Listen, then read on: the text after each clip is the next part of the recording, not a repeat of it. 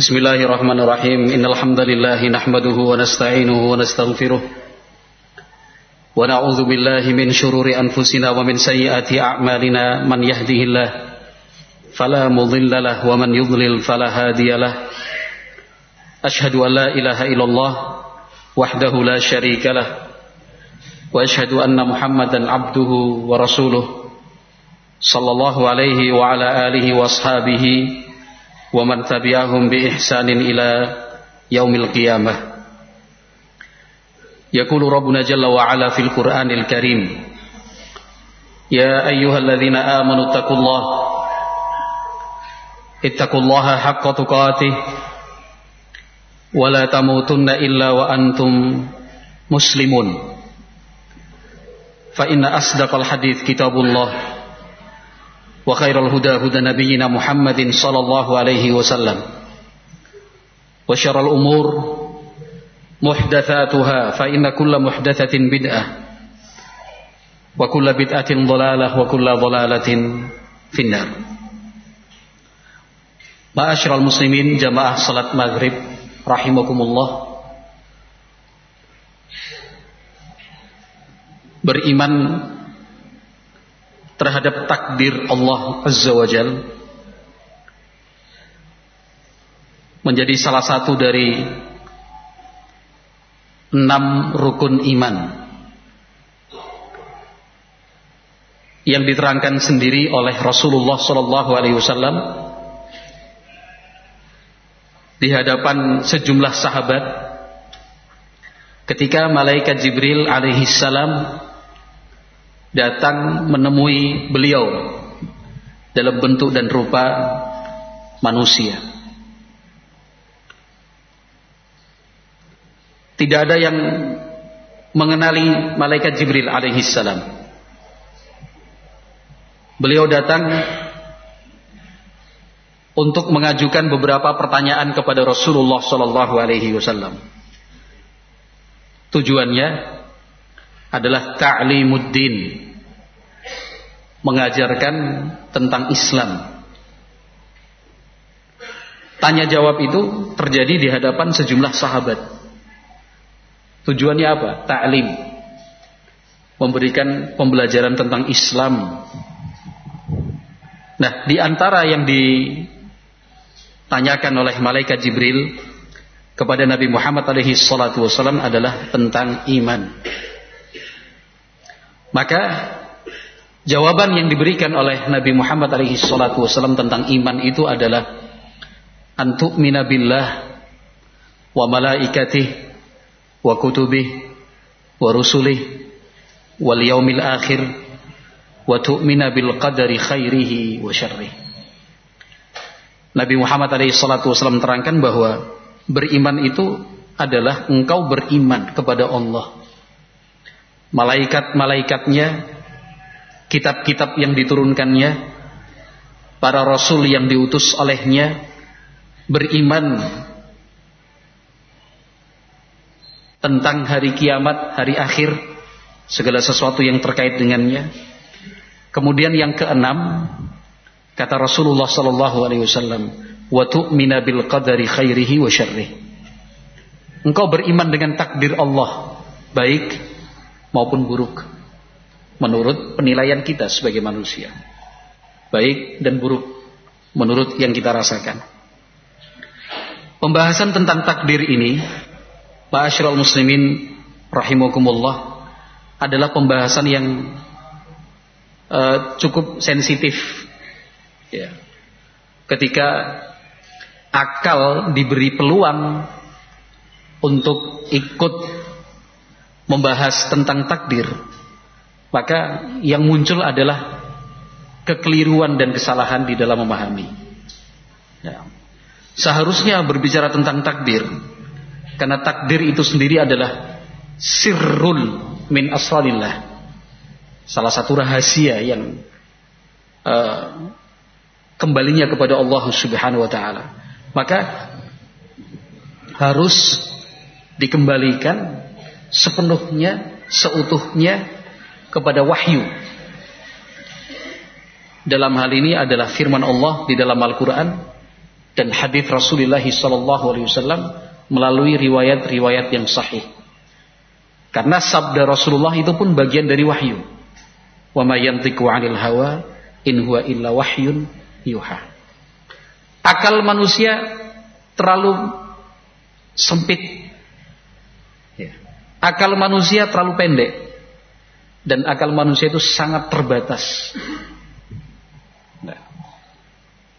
Kalau seandainya berbicara tentang tak takdir itu dikembalikan kepada akal, logika, perasaan, maka akal, logika, dan perasaan siapa yang akan kita gunakan?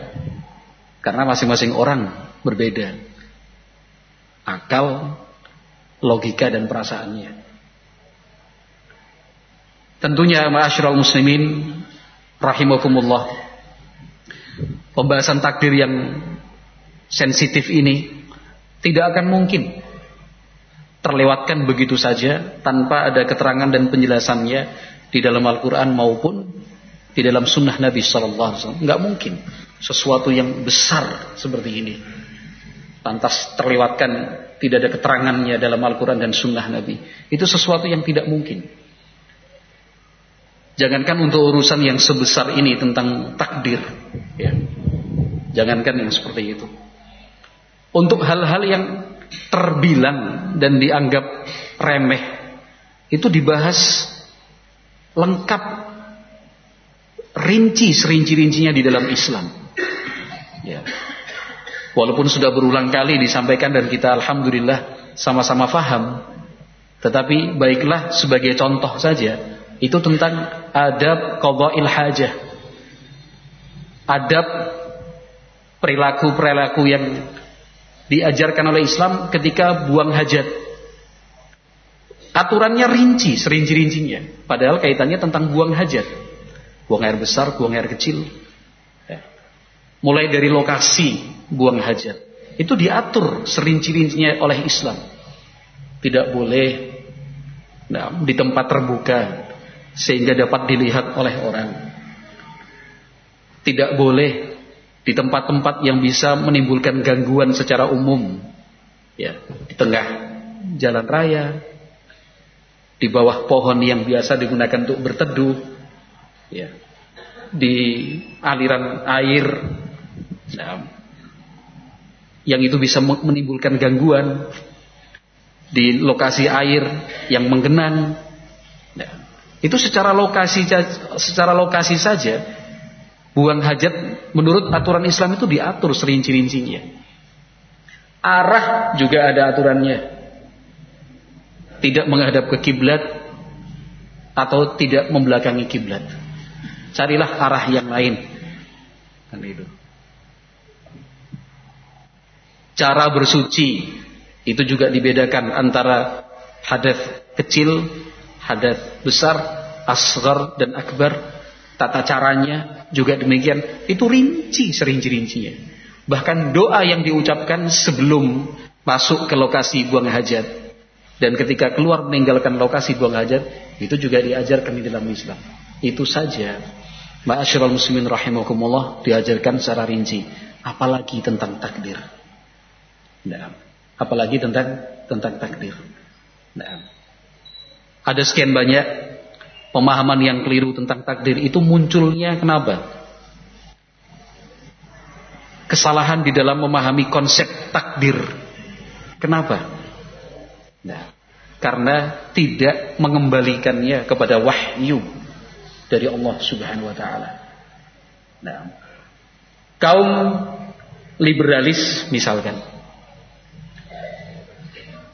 berusaha untuk menghapus kewajiban beriman terhadap takdir dari rukun Islam yang enam itu. Itu puluhan tahun yang lalu sempat booming di Indonesia. Ya, hapus saja iman terhadap takdir. Kenapa? Karena membuat bangsa kita sebagai bangsa pemalas. Ya, tidak punya etos kerja yang tinggi. Karena terlalu bergantung dengan takdir. Itu sampai ada usaha, pemikiran seperti itu. Bukan cuma pemikiran, itu sudah diupayakan. Untuk menolak takdir, kewajiban beriman terhadap takdir Allah Subhanahu wa taala.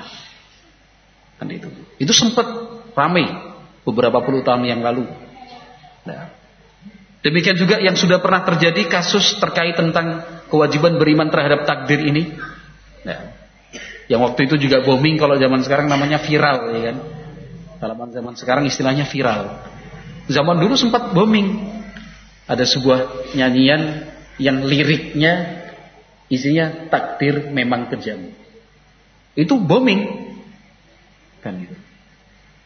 Jadi ketika kesusahan, penderitaan, kesengsaraan hidup itu dinisbatkan kepada takdir memang kejam. Ya. Akhirnya dirubah liriknya.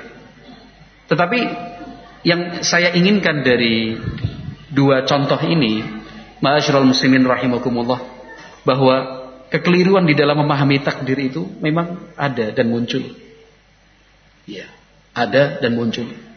Apa sebabnya? Ingat sekali lagi, karena tidak tunduk dengan wahyu. Nah, ketika kita menyampaikan seperti ini jangan dikira semua pihak lantas menerima. Enggak. Mereka yang punya basic Mu'tazilah yang menuhankan akal segala sesuatu itu diukur dan ditakar dengan akal ia tidak akan segera menerima bahkan cenderung menolak. Wah enggak. Pokoknya harus ditentukan dengan akal. Nah ini logis enggak? Rasionalis apa enggak? Gitu. kalau misalkan bisa diterima akal ya kita terima. Kalau enggak enggak bisa. Nah, akhirnya kembali kepada apa? Iman itu sendiri. Bukankah percaya dan yakin tentang takdir itu masuk dalam rukun iman? Akhirnya kembalinya kepada iman, beriman, percaya, yakin, tunduk, patuh, taat. Amin. Muslimin rahimakumullah dari beberapa referensi yang dekat dengan kita. Wallahu a'lam. Kitab yang disusun oleh Asy-Syaikh Muhammad bin Shalih Al-Utsaimin rahimahullah yang beliau beri judul Takrib At-Tadmuriyah. Ya. Yang sumbernya adalah kitab At-Tadmuriyah.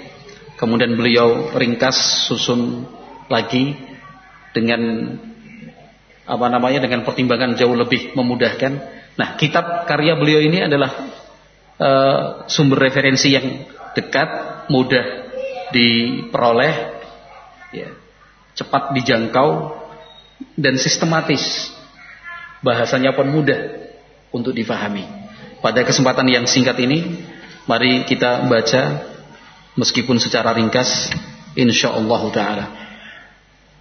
Di cetakan yang ada di tangan saya ini halaman 103 pembahasan beliau Syekh Al-Utsaimin rahimahullahu taala menyatakan bahwa walil imani bil qadari maratibu arba.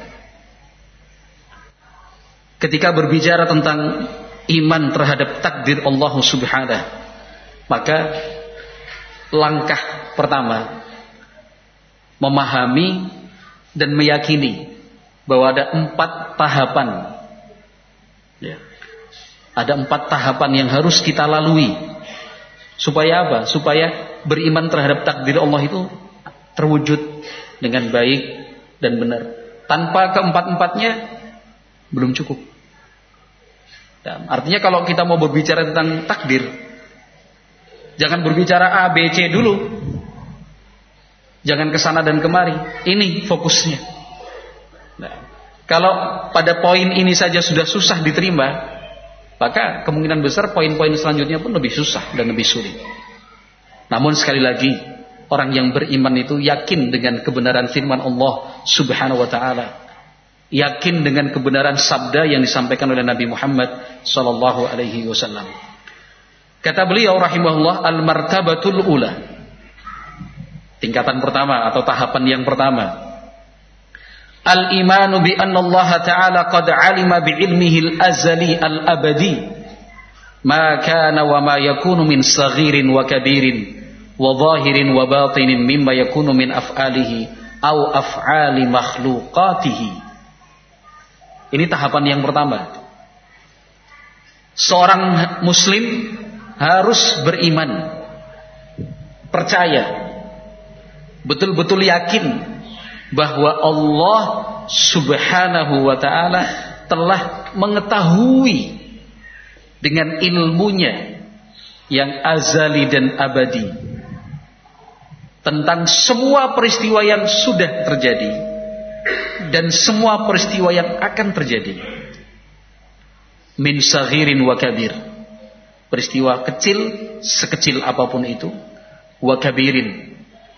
Dan juga peristiwa yang besar semuanya yang terjadi itu telah diketahui Allah Subhanahu wa taala dengan ilmunya yang azali dan abadi.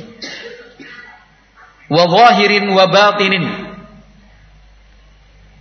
yang sudah terjadi dan yang akan terjadi semua peristiwa baik yang zahir maupun yang batin. Mimma yakunu min af'alihi.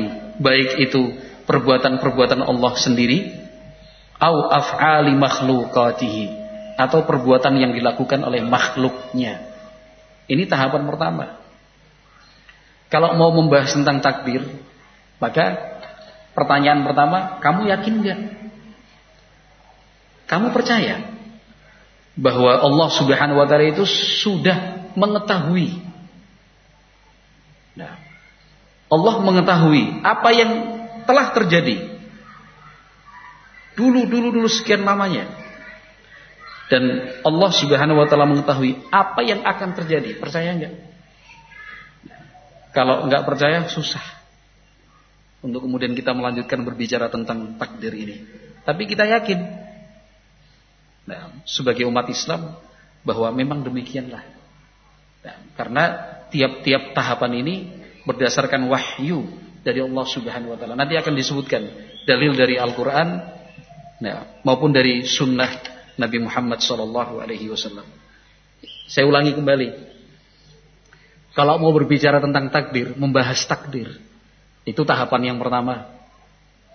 Anda harus percaya dan yakin bahwa Allah Subhanahu wa taala mengetahui segala sesuatu.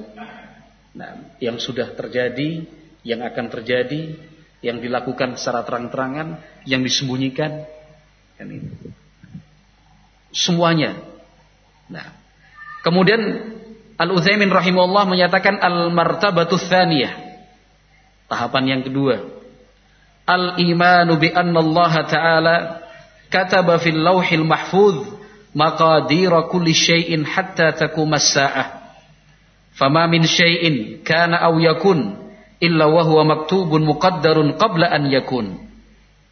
Tahapan berikutnya adalah beriman, percaya, yakin siyakin-yakinnya bahwa Allah Subhanahu wa taala telah mencatat di Lauh Mahfuz takdir segala sesuatu hatta takuma sa'ah sampai kiamat terjadi. Maka fama min syai'in kana aw yakun maka tidak ada sesuatu pun yang sudah terjadi dan yang akan terjadi illa wa huwa maktubun muqaddar qabla an yakun kecuali sudah tertulis dan ditentukan takdirnya sebelum terjadi. Amin. Jadi tahapan yang pertama tadi apa? Ini sensitif pembahasannya. Ya. Tahapan yang pertama kita harus beriman bahwa Allah mengetahui segala sesu, sesuatu. Allah tahu segala sesuatu. Nah, dengan ilmunya. Tidak ada yang Allah tidak ketahui. Kan itu. Kecil, besar, disembunyikan terang-terangan. Nah, ada saksinya, tidak ada saksinya di dunia. Tetap Allah mengetahui. Yang kedua, kita juga harus yakin bahwa segala sesuatu ya, itu sudah dicatat di lauh mahfud sampai kiamat terjadi. Semuanya telah ter, semuanya telah tercatat di lauh mahfud. Nah, yang kecil, yang besar, yang disembunyikan, yang terang-terangan. Nah, apa pun yang kita lakukan dan yang akan kita lakukan, lalu betul-betul terjadi, semuanya sudah tercatat di lauh mahfud. Dan itu. Kita mengetahui enggak catatan-catatan tersebut? Tidak. Nah, karena Allah Subhanahu wa taala sembunyikan untuk kita. Syekh Al-Utsaimin melanjutkan wa dalilu hatainil martabataini fi kitabillah taala wa fi sunnati rasulih sallallahu alaihi wasallam. Nah, ini apa namanya pembahasan prinsip. Pembahasan prinsip ini sudah sudah apa? memilah memisahkan antara yang apa namanya terdidik di atas iman dengan yang tidak. Kalau orang yang beriman percaya dengan wahyu mudah, ya. Saya percaya, saya yakin, saya bisa terima itu. Bahwasanya Allah mengetahui segala sesuatu dan Allah telah mencatat semuanya di lauh mahfuz. Kenapa? Karena dasarnya adalah Al-Qur'an. Kita perhatikan kata Syekh Al-Utsaimin rahimahullah, dasar hukum untuk dua tahapan ini ada di dalam Al-Quran, kitabillahi ta'ala, dan juga di dalam sunnah Rasulullah Sallallahu Alaihi Wasallam. Amal kitab, adapun dasar hukum dari Al-Quran, faminhu di antaranya. Berarti kan tidak cuma satu. Qauluhu ta'ala firman Allah Azza wa Jal. Surat Al-Hajj ayat 70. Allah berfirman, Alam ta'alam Allah ya'lamu ma fis sama'i wal ardi. Inna dzalika fi kitab, inna dzalika 'ala Allah yasir. Apakah engkau tidak mengetahui bahwasanya Allah Subhanahu wa taala ya'lamu maha mengetahui ma fis sama'i wal ardi apa yang ada di langit dan apa yang ada di bumi? Inna dzalika fi kitabin. Sesungguhnya semua itu sudah ada di dalam catatan di dalam kitab Inna dzalika 'ala Allah yasir. Sesungguhnya hal itu amatlah mudah bagi Allah Subhanahu wa taala. Wa qauluh firman Allah yang lain surat Al-An'am ayat 59. Wa indahu mafatihul ghaibi la ya'lamuha illa huwa. Wa ya'lamu ma fil barri wal bahri wa ma tasqutu min waraqah illa ya'lamuha wala habbatin fi dhulumatil ardi wala radbin wala yabisin illa fi kitabim mubin. Ada dua ayat disampaikan oleh Syekh Al-Utsaimin, tiap-tiap ayat ini menjelaskan dua tahapan tadi. Ayat yang kedua Al-An'am 59. Allah berfirman dan di sisinya kunci-kunci gaib la ya'lamuha illa huwa. Tidak ada yang mengetahuinya kecuali Allah sendiri. Wa ya'lamu ma fil barri wal bahri. Allah Maha mengetahui apa yang terjadi di daratan maupun yang di lautan. Wa tasqutu min warakah dan tidak ada selembar daun pun yang jatuh illa ya'lamuha kecuali Allah pasti mengetahuinya. Selembar daun yang jatuh di pohon halaman pondok Anwarul Sunnah Petanahan. Setiap lembar daun, pohonnya besar, pohonnya kecil, daunnya kelihatan, daunnya tidak terlihat, Daun yang jatuh di tengah hutan lebat pun Allah mengetahuinya. Kan itu. Jadi kembali kan ke tahapan yang pertama tadi, kita harus yakin bahwa Allah Subhanahu wa taala mengetahui segala sesuatu. Selanjutnya ayat Al-An'am 59 Allah berfirman wala habbatin fi dhulumatil ardi dan tidak ada satupun biji di tengah kegelapan malam wala rabbin wala yabis. Sesuatu yang basah. Sesuatu yang kering. Illa fi kitabim mubin. Kecuali semua itu sudah tercatat di dalam kitab yang nyata yaitu lauh mahfuz. Nah itu dalil dari Al-Qur'an. Adapun dari sunnah Nabi Muhammad alaihi salatu wassalam di antaranya adalah hadis Abdullah bin Amr ibn al-As diriwayatkan oleh Imam Muslim rahimahullahu taala Kata Nabi sallallahu alaihi wasallam, "Kataballahu maqadir al-khalaiq qabla an yakhluqa as-samawati wal arda bi khamsin alf sanah." Kata Nabi sallallahu alaihi wasallam, Allah telah mencatat takdir semua makhluk sebelum Allah menciptakan langit dan bumi 50 ribu tahun sebelumnya. Artinya 50 ribu tahun sebelum Allah menciptakan langit dan bumi, Allah sudah catat takdir semua makhluk termasuk kita ini di sini. Sudah tercatat. Kan itu. Tapi ingat tidak ada satupun di antara kita yang mengetahui apa isi catatan itu. Gak ada yang tahu. Maka perintahnya yang diajarkan oleh Nabi Muhammad alaihi salatu wasallam adalah i'malu fakullun muyassarun lima khuliqalah. Kata Nabi sallallahu alaihi wasallam i'malu. Sahabat kan bertanya, "Ya Rasulullah, ketika Nabi alaihi salatu wasallam berikan keterangan tidak ada satupun di antara kalian kecuali sudah ditulis dan ditetapkan tempatnya nanti di mana di surga atau di neraka sudah ditentukan Allah Subhanahu wa taala kita semua tanpa terkecuali Sahabat bertanya, kalau begitu, fafi mana amal ya Rasulullah? Kalau sudah demikian, sudah ditentukan tempatnya di surga maupun neraka, lalu buat apa kita beramal? Untuk apa kita beribadah? Kata Nabi SAW, Ikmalu. Itu perintah Allah dan juga perintah Rasul. Ikmalu. Tetaplah beramal. Usaha. Nah. Kalau misalkan sudah tahu tapi masalahnya kan nggak ada yang tahu di antara kita. Catatan tentang kita itu di surga ataukah neraka nantinya. Nggak ada yang tahu itu rahasia. Hanya Allah Subhanahu wa taala yang mengetahuinya. Maka tugas kita adalah beramal, beramal, beramal, beramal. Kenapa? Kata Nabi alaihi salatu wasallam, "Fakullun muyassarun lima khuliqalah." Masing-masing orang itu akan diberi kemudahan, diberikan apa namanya? jalan lima khuliqalah untuk Tujuan apa dia diciptakan Allah Subhanahu wa taala? Usaha, usaha, usaha. Tidak boleh kemudian uh, beralasan dengan takdir. Nah, tidak boleh kemudian beralasan dengan dengan takdir. Wis takdirilah. Nek surga ya surga, neraka neraka. Kan itu. Lah kenapa kamu punya keyakinan seperti itu? Lah Nabi sudah mengatakan masing-masing orang sudah ditentukan tempatnya di surga maupun neraka. Nabi loh Jawabannya benar, memang Nabi yang mengatakan. Tetapi ingat, dalam satu peristiwa itu juga, Nabi pun memerintahkan, malu Beramallah. Jangan comot sana, tinggalkan yang di sini. Jangan cuma berpegang dengan ucapan sini, tapi perintah Nabi kemudian diajukan. Nggak boleh.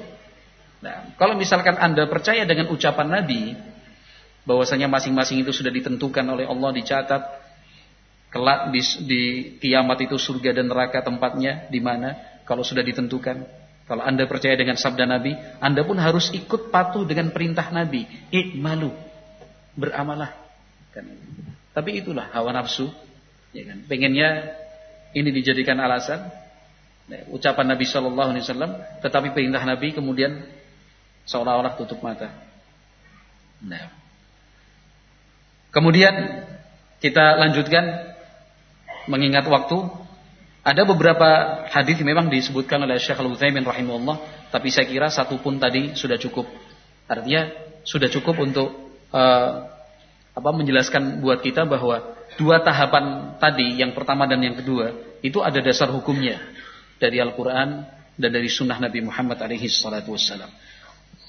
Qala rahimahullah al-martabatu tsalitsah. Tahapan yang selanjutnya, yang ketiga. Al-imanu bimasyiatillahi ta'ala wa annaha ammatun fi kulli syai. Beriman dengan masyiah Allah Subhanahu. Kehendak Allah. Nah, Allah Subhanahu wa taala menghendaki. Nah, Allah Subhanahu wa taala berkehendak wa annaha ammatun fi kulli syai dan itu berlaku umum untuk semua hal. Keterangan selanjutnya fama wujida mawjudun wala udima ma'dumun min saghirin wa kabirin wa zahirin wa batinin fis samawati wal ardi illa bimasyiatillahi azza wa jalla. Perhatikan baik-baik keterangan dari Al-Utsaimin rahimahullah taala ini. Kata beliau, "Fama wujida mawjudun." Maka tidak ada satupun yang ada wala udima ma'dumun dan semua yang tidak ada, semua yang ada dan semua yang tidak ada, min saghirin wa kabirin, besar maupun kecil, zahir dan batin, di langit dan di bumi, itu semuanya bimasyiatillahi azza wajalla dengan kehendak dari Allah Subhanahu wa taala. Dengan kehendak dari Allah Subhanahu wa taala. Misalkan sekarang kita beri contoh Apa yang dimaksud fama wujida mawjudun walau udima ma'dumun? Yang ada semuanya dan yang tidak ada itu semua dikehendaki oleh Allah Subhanahu wa taala. Contoh mudah aja lah. Kan. Misalkan uh, apa namanya? Mohon maaf ini sebagai contoh saja. Misalkan uh, bentuk fisik manusia. Bentuk fisik manusia. Ada yang sempurna. Nah, kesempurnaan fisik manusia itu dengan kehendak dari Allah Subhanahu Allah menghendaki si A fisiknya sempurna. Telinganya dua. Ambil contoh seperti itu. Pada si B, telinganya cuma satu. Yang satu tidak ada. Si B yang tidak punya satu telinga, ini dikehendaki Allah atau tidak? Dikehendaki Allah subhanahu wa ta'ala. Itu tahapan ketiga.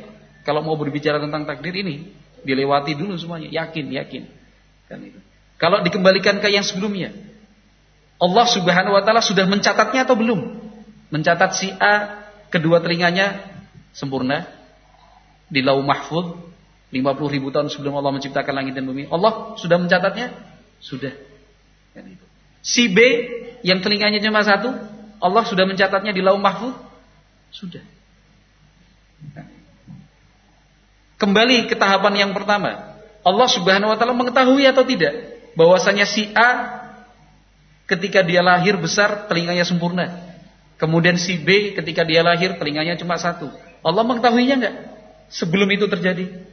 Allah mengetahuinya. Nah, itu kalau mau berbicara tentang takdir. Maka kata beliau rahimahullah illa bimasyiatillahi azza wajal. Itu semua dengan masyiah, kehendak dari Allah azza wajal.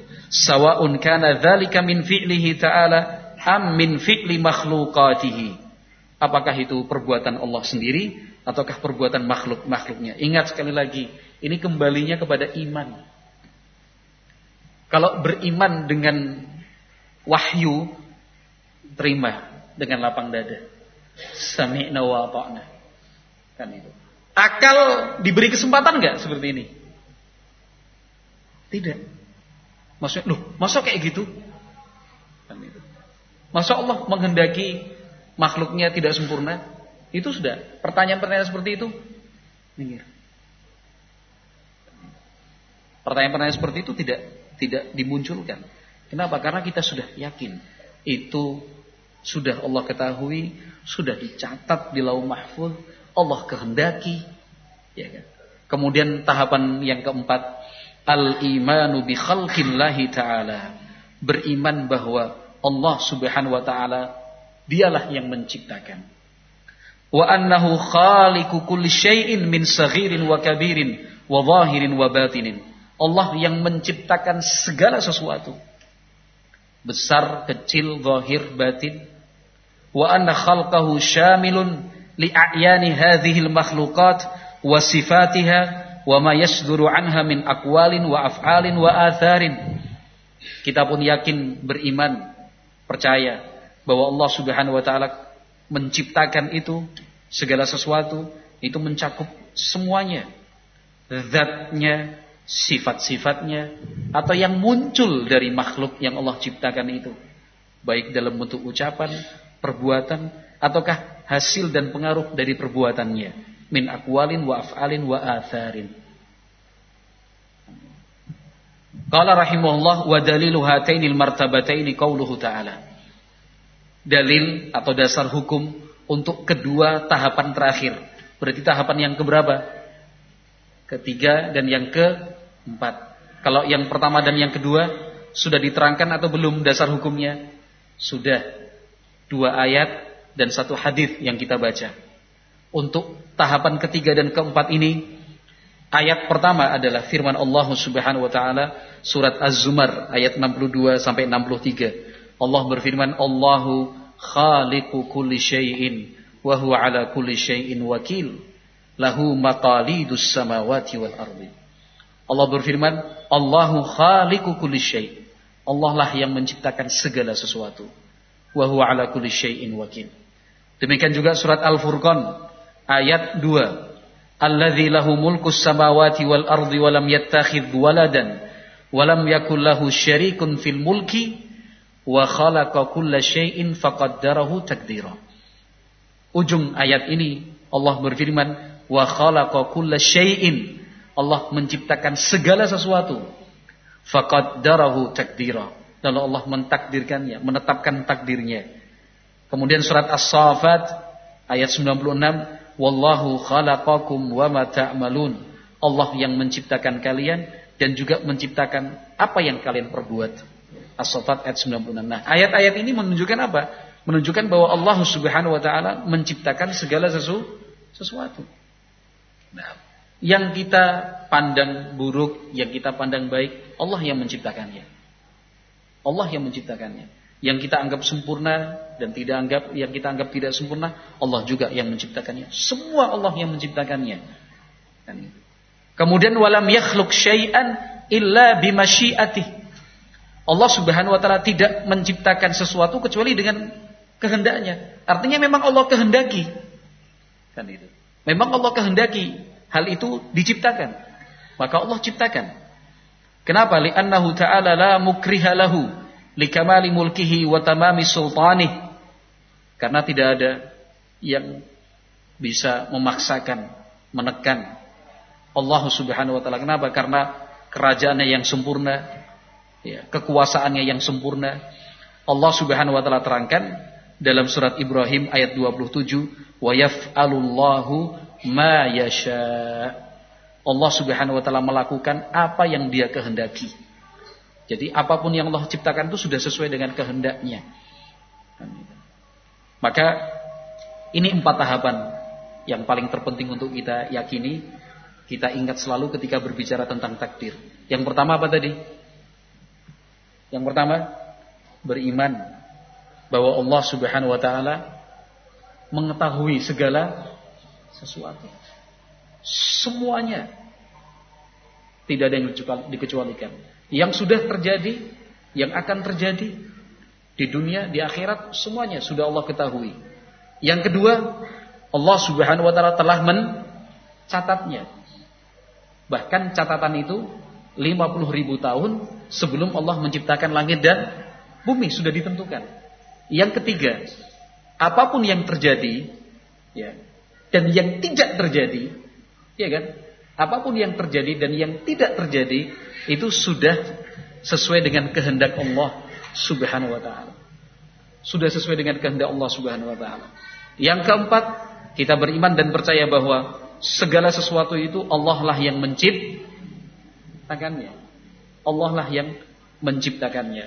Maka tetap kembali kepada empat hal ini ketika berbicara tentang takdir Allah Subhanahu wa taala. Selain itu yang akal lah, yang perasaan lah dipinggirkan, disingkirkan. Kan Maka ketika kita membahas yang seperti ini, bukan berarti ahlu sunnah itu menafikan sebab Bukan berarti menafikan sebab ya udah kalau gitu. Kalau sudah diketahui Allah, kalau udah dicatat semuanya, sudah Allah kehendaki, Allah juga yang menciptakan, ya udah kita diem aja. Gak usah berusaha. Tidak perlu mengambil sebab. Itu kesimpulan yang keliru. Maka Syekh Al-Utsaimin rahimahullahu taala mengatakan dalam hal ini wan nasu asbab tarafani wa wasat. Nah, dalam membahas tentang sebab ini dan usaha yang dilakukan. Orang-orang kalau secara garis besar diklasifikasikan menjadi tiga kelompok. Kelompok pertama, mereka yang mengingkari dan menolak adanya sebab. Nah, mereka menolak sebab itu. Sehingga akhirnya apa? Ya berdiam diri. Pokoknya nek wis rezekine ya datang. Kalau kenyang ya kenyang. Kalau punya anak ya punya anak. Kalau punya istri ya punya sendiri aja. Ada nggak yang seperti itu? Ada. Nah, ada yang seperti itu. Nah, tetapi pada pada prakteknya apa? Akal sehat pun menolak. Ketika misalkan, ayo nyambut gawe kerja aja, enggak lah di rumah aja. Kalau takdirnya dapat uang ya dapat uang.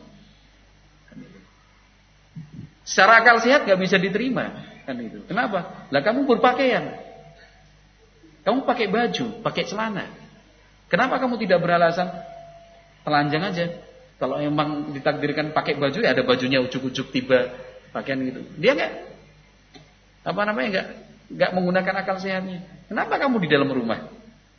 Itu kalau akal sudah diberikan peluang, yang ada cuma pusing. Kan itu. Kenapa? Tadi sudah kita sebutkan di depan, akal manusia itu sempit, akal manusia itu pendek, akal manusia itu terbatas. Ada kelompok seperti itu yang betul-betul menolak, mengingkari sebab. Kelompok kedua yang ekstrim. Kelompok yang kedua ekstrim. Nah, mereka menetapkan sebab, tetapi mereka meyakini bahwa sebab itulah yang secara zat memberikan pengaruh. Orang-orang seperti ini terjatuh dalam kesyirikan. Orang-orang seperti ini terjatuh dalam kesyirikan. Kenapa? Karena kemudian mereka tidak menisbatkan segala sesuatu itu kepada Allah Subhanahu wa taala, tetapi kepada sebab itu sendiri. Nah, kepada sebab sebab itu sendiri. Nah,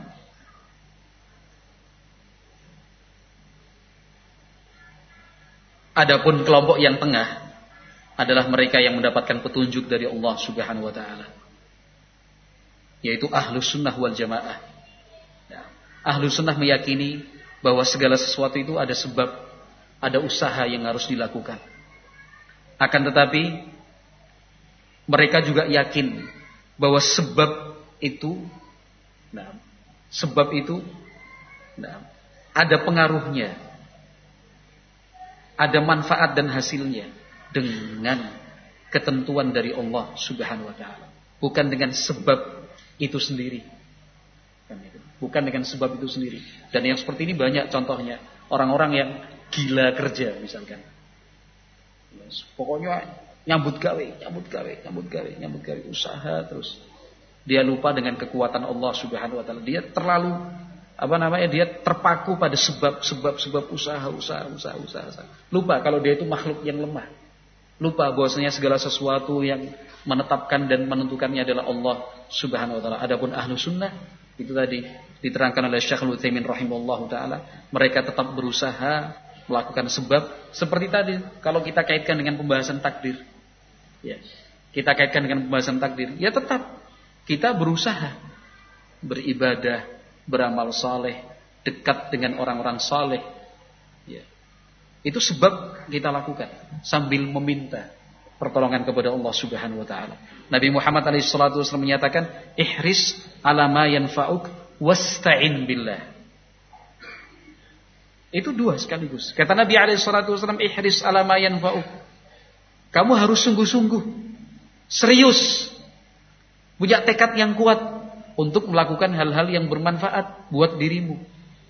Wasta'in billah. Dan mintalah pertolongan kepada Allah Subhanahu wa taala. Jangan terlalu mengakukan diri. Aku iso, saya bisa, saya mampu.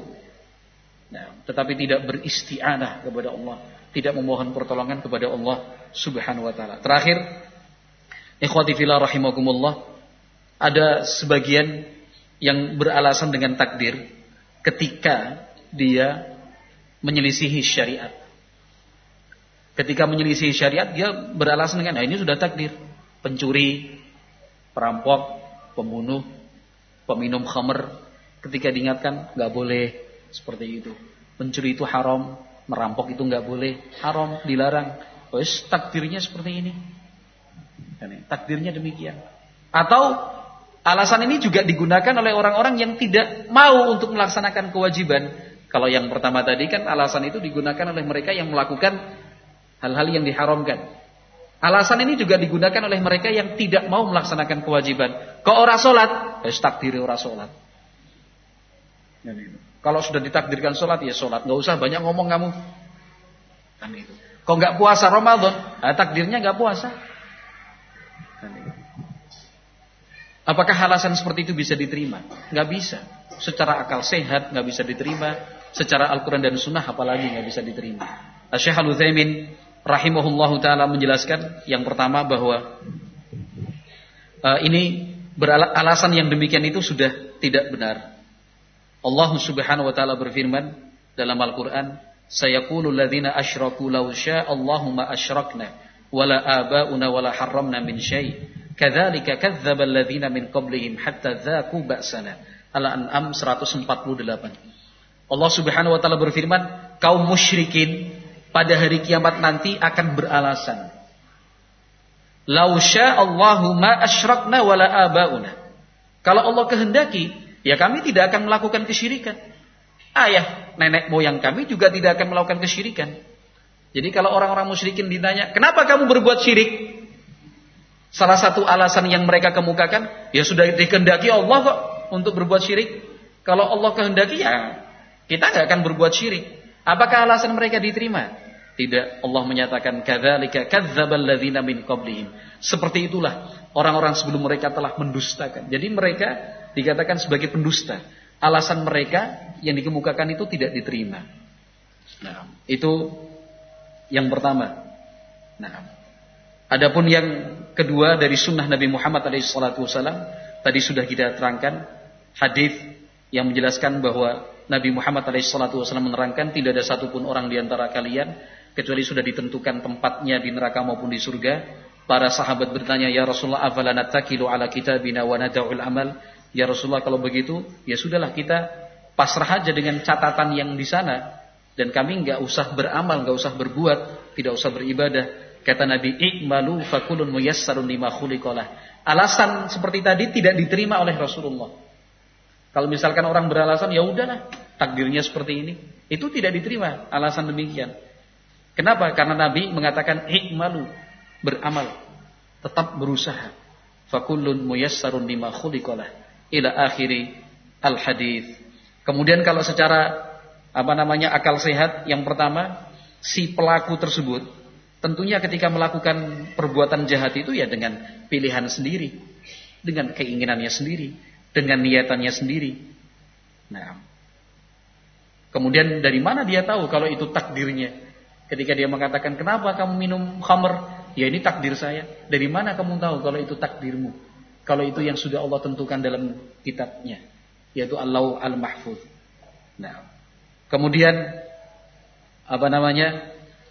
Uh, secara akal kata Syekh Al-Utsaimin rahimahullah seandainya orang tadi yang punya alasan demikian diberi pilihan untuk tinggal di satu sebuah negeri, sebuah tempat yang aman, sentosa, makan minum disediakan gratis, tempat tinggalnya pun gratis, fasilitasnya lengkap, semuanya ada di sana, tinggal senang-senang.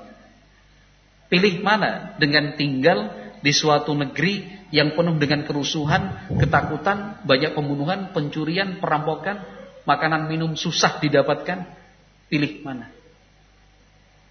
Orang yang berakal sehat pasti akan memilih tempat yang pertama. Gak akan mungkin orang, nah aku milih sing rusuh. Wah ini udah maidu orang kalau kayak gini sudah. Artinya nggak mau diajak berpikir sehat. Itu secara apa namanya? Secara akal sehat. Di dunia aja dia memilih seperti itu. Kata Syekh Al-Utsaimin rahimahullah, "Falimada yakhtarul afdal fi maqarrid dunya wa la yakhtaruhu fi maqarril akhirah?" Kenapa dia memilih tempat terbaik saat hidup di dunia, tetapi dia tidak memilih tempat yang terbaik di akhirat nanti. Kenapa dia tidak memilih surga? Justru dengan sengaja memilih neraka. Wallahu alam bisawab, pembahasannya tentu tidak sesingkat ini, tapi hanya itu yang bisa saya sampaikan. Mudah-mudahan Allah Subhanahu wa taala memberikan taufik. Subhanakallahumma wa bihamdik asyhadu an la ilaha illa anta astaghfiruka wa atubu ilaik. Assalamualaikum warahmatullahi wabarakatuh.